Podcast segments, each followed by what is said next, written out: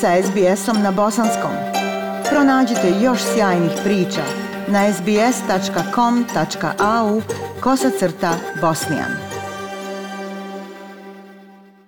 Pfizer je označio potrebu i za trećom dozom vakcine protiv COVID-19 u okviru 12 mjeseci. To je došlo nakon što je Evropa dosegla grozan rekord od 1 milion smrtnih slučajeva koji su povezani s virusom. Izvršni direktor kompanije Pfizer, Albert Borla, kaže da će ljudi koji su se cijepili Pfizerovom vakcinom vjerovatno trebati i treću dozu vakcine u roku od 12 mjeseci nakon što su primili prve dvije doze doze. U intervju za CNBC, gospodin Borla istakao je mogućnost godišnje revakcinacije koja je poznata kao pomoćna doza. There will be a need based on this data for uh, Biće to potreba koja je utemeljena na podacima za revakcinaciju. Potrebno je da vidimo šta će biti u nastavku i koliko često ćemo to morati činiti. To ostaje da se vidi. Ono što je vrlo vjerovatan razvoj događaja jeste da će biti potrebna i treća doza vakcine nekad između 6 i 12 mjeseci, a računajući od tada bit će to godišnja vakcinacija. Sve to treba još i da se potvrdi, a varijante virusa igraju ključnu ulogu. Ove vijesti su došle nakon što je Evropa dosegla grozan rekord zbrajajući više od jednog miliona smrtnih ishoda od COVID-19 od kako je pandemija počela. Regionalni direktor Svjetske zdravstvene organizacije za Evropu, dr. Hans Henry Kluge, opisuje situaciju COVID-a u Evropi kao veoma ozbiljnu. 1.6 million new cases are reported every week. 1,6 miliona novih slučajeva bilježi se svake sedmice.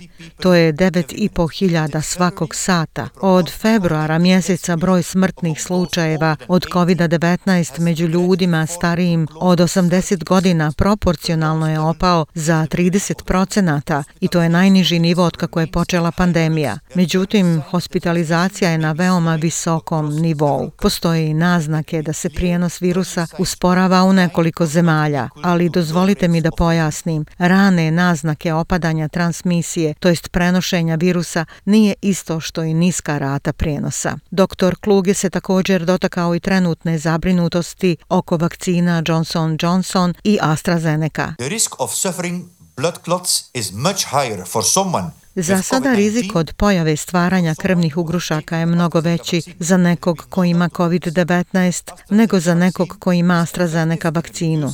Nemajmo sumnje u sljedeće. Vakcina AstraZeneca je efektivna u smanjenju razvijanja težeg oblika bolesti i spriječavanja smrtnog ishoda. Jednostavno rečeno, evropske zemlje razvijaju svoj vlastiti put kada je u pitanju program vakcinacije. Danska je u potpunosti zabranila korištenje vakcina vakcine AstraZeneca, dok druge zemlje nastavljaju da je koriste za veoma specifične starosne grupe. U većini evropskih zemalja pauzirana je upotreba vakcine Johnson Johnson, dok se ne istraži zabrinutost oko pojave ugrošaka. Vodeći danski ljekar osudio je ono što on naziva nedostatkom evropskog jedinstva u pravljenju odluka koje su vezane za vakcine protiv COVID-19. Julian Comper, izvršni direktor Univerzitetske bolnice u Liježu, kaže da je iznenađen odlukom Danske da u potpunosti odbaci vakcinu AstraZeneca. Bili smo prilično iznenađeni donesenom odlukom i to je sada problem jer su evropske zemlje potrošile mnogo novca naručivši vakcine AstraZeneca. Zaista je tužno u smislu što smatram da takve odluke treba da se donesu na evropskom nivou jer inače imaćete ljude u nedoumici koji će reći u Danskoj vakcini vakcina nije sigurna, a u Belgiji jeste. Norveška je uzela još vremena da procijeni da li da ostane pri korištenju AstraZeneca ili da je stopira. Stefan de Keersmaker, glasnogovornik Evropskog povjerenstva zdravstva, kaže da procedure vakcinacije ostaju stvar nacionalnih vlada.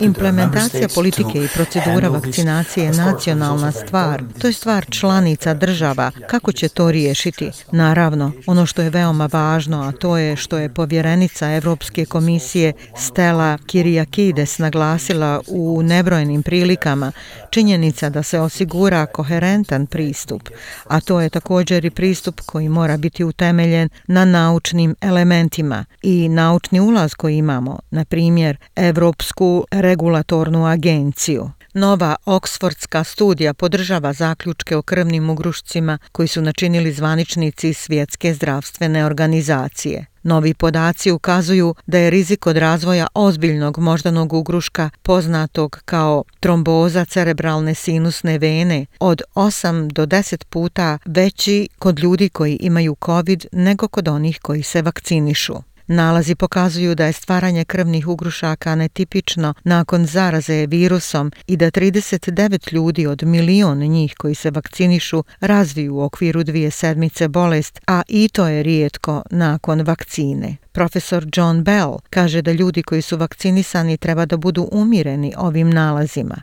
I think the first most important issue is that these these events are extremely rare. If you want to have a bad clotting problem, Mislim da je prvi najveći problem što su ove pojave veoma rijetke. Ako zaista želite da imate gadan problem sa ugrušcima, onda treba da dobijete COVID, a ako nemate vakcinu, onda ćete imati COVID. A ako imate COVID, onda ste na veoma, veoma većem riziku da imate probleme sa ugrušcima. Tako da su problemi sa ugrušcima od vakcine prilično trivialni ako se uporede sa stvarnim rizicima pojave ugrušaka kada imate COVID i ja mislim da je ovo veoma važno razmatranje. Vrhunski stručnjak za infektivne bolesti u Sjedinjenim državama i direktor Centara za kontrolu i prevenciju bolesti na Capitol Hillu je svjedočio pred pododborom Gornjeg doma o krizi koronavirusa. Dr. Anthony Fauci i kongresmen iz Ohaja Jim Jordan sukobili su se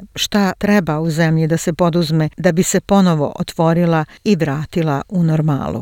What metrics, what measures, what has to happen before yeah. Americans get my, their freedoms back? My message, uh, Congressman Jordan, is to get as many people vaccinated as quickly as we possibly can Kakve mjere i predostrožnosti, šta treba da se dogodi da Amerikanci dobiju više slobode? Moja poruka kongresmene Jordan je da imamo što više ljudi koji će se vakcinisati što je prije moguće da bismo imali nizak stepen zaraze u zemlji i koji više neće biti prijetnja. To će biti tada, vjerujem. I kada se to desi, onda ćete vidjeti. A šta uslovljava to onda? Šta mislim, kakva mjera? Hoćemo li sa ovim da nastavimo zauvijek? Kada ćemo moći doći do tačke koju mjeru, koji standard, koji objektivni rezultat treba da postignemo dok Amerikanci ponovo ne vrate svoju slobodu. Znate, vi ukazujete na slobodu. Ja na to gledam kao na mjeru javnog zdravstva da spriječi umiranja i odlazak u bolnicu. Doktore Fauci, zar vi ne mislite da je sloboda Amerikanaca bila ugrožena prošle godine kada su bili napadnuti? Njihova sloboda jeste.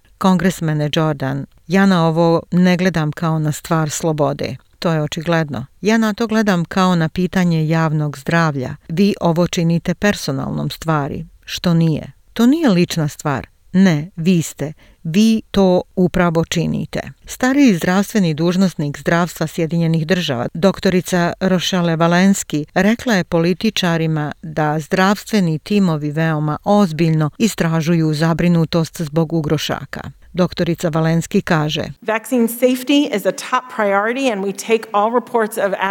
Bezbjednost vakcina je vrhunski prioritet. Veoma ozbiljno pristupamo nepovoljnim događajima koji prate vakcinaciju protiv COVID-a. To nije naš prvi hitni slučaj. Još od 2009. godine Sjedinjene države suočavaju se sa značajnim pojavama infektivnih bolesti, pandemijom gripe, ebolom, zikom, evo sada COVIDom. Ako ne djelujemo sa stalnim popravkom stavkama, ovi problemi bi nastavljali da postoje dok se ne pojavi nova prijetnja javnom zdravlju. Državni sekretar Anthony Blinken apelirao je za druga 2,5 biliona dolara za COVAX program u Jedinjenim narodima da bi se pomoglo u vakcinisanju stanovnika siromašnih zemalja. But to beat this pandemic, we need to aim higher, much higher.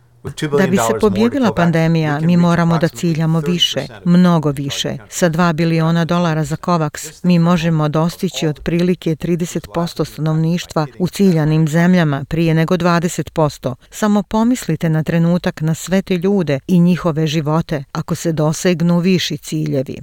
Na kraju, muslimanski zdravstveni i vjerski stručnjaci u Velikoj Britaniji objavili su uputstva u kojima objašnjavaju da vakcinisanje tokom Ramazana ne povrijeđuje pravila posta. Imami, medicinari i vjerski službenici obraćali su se muslimanima koji nižu već drugi Ramazan u sjeni pandemijskih restriktivnih mjera. Sahera Ibrahim i imam Abrar Ahmed pokušavaju da upute poruku vjernicima. We all need to take the vaccine when you're called to take the vaccine.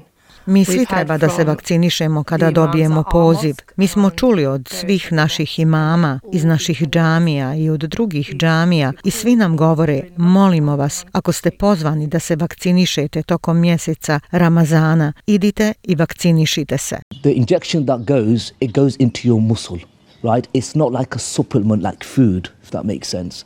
Uh, and, uh, Vakcina ide u vaš mišić, to nije dodatak kao što je hrana. Jeste razumjeli? A i stariji učenjaci su rekli da je dozvoljeno. Tako da oni koji poste ne treba da brinu, vakcinacijom se post ne prekida za zdravstvene mjere i mjere podrške koje su trenutno na snazi u odgovoru na pandemiju COVID-19 na bosanskom jeziku potražite na stranici sbs.com.au kosa crta koronavirus. Ja sam Aisha Hadži Ahmetović. Ostanite uz SBS radio. Like, share, comment. Pratite SBS Bosnian na Facebooku.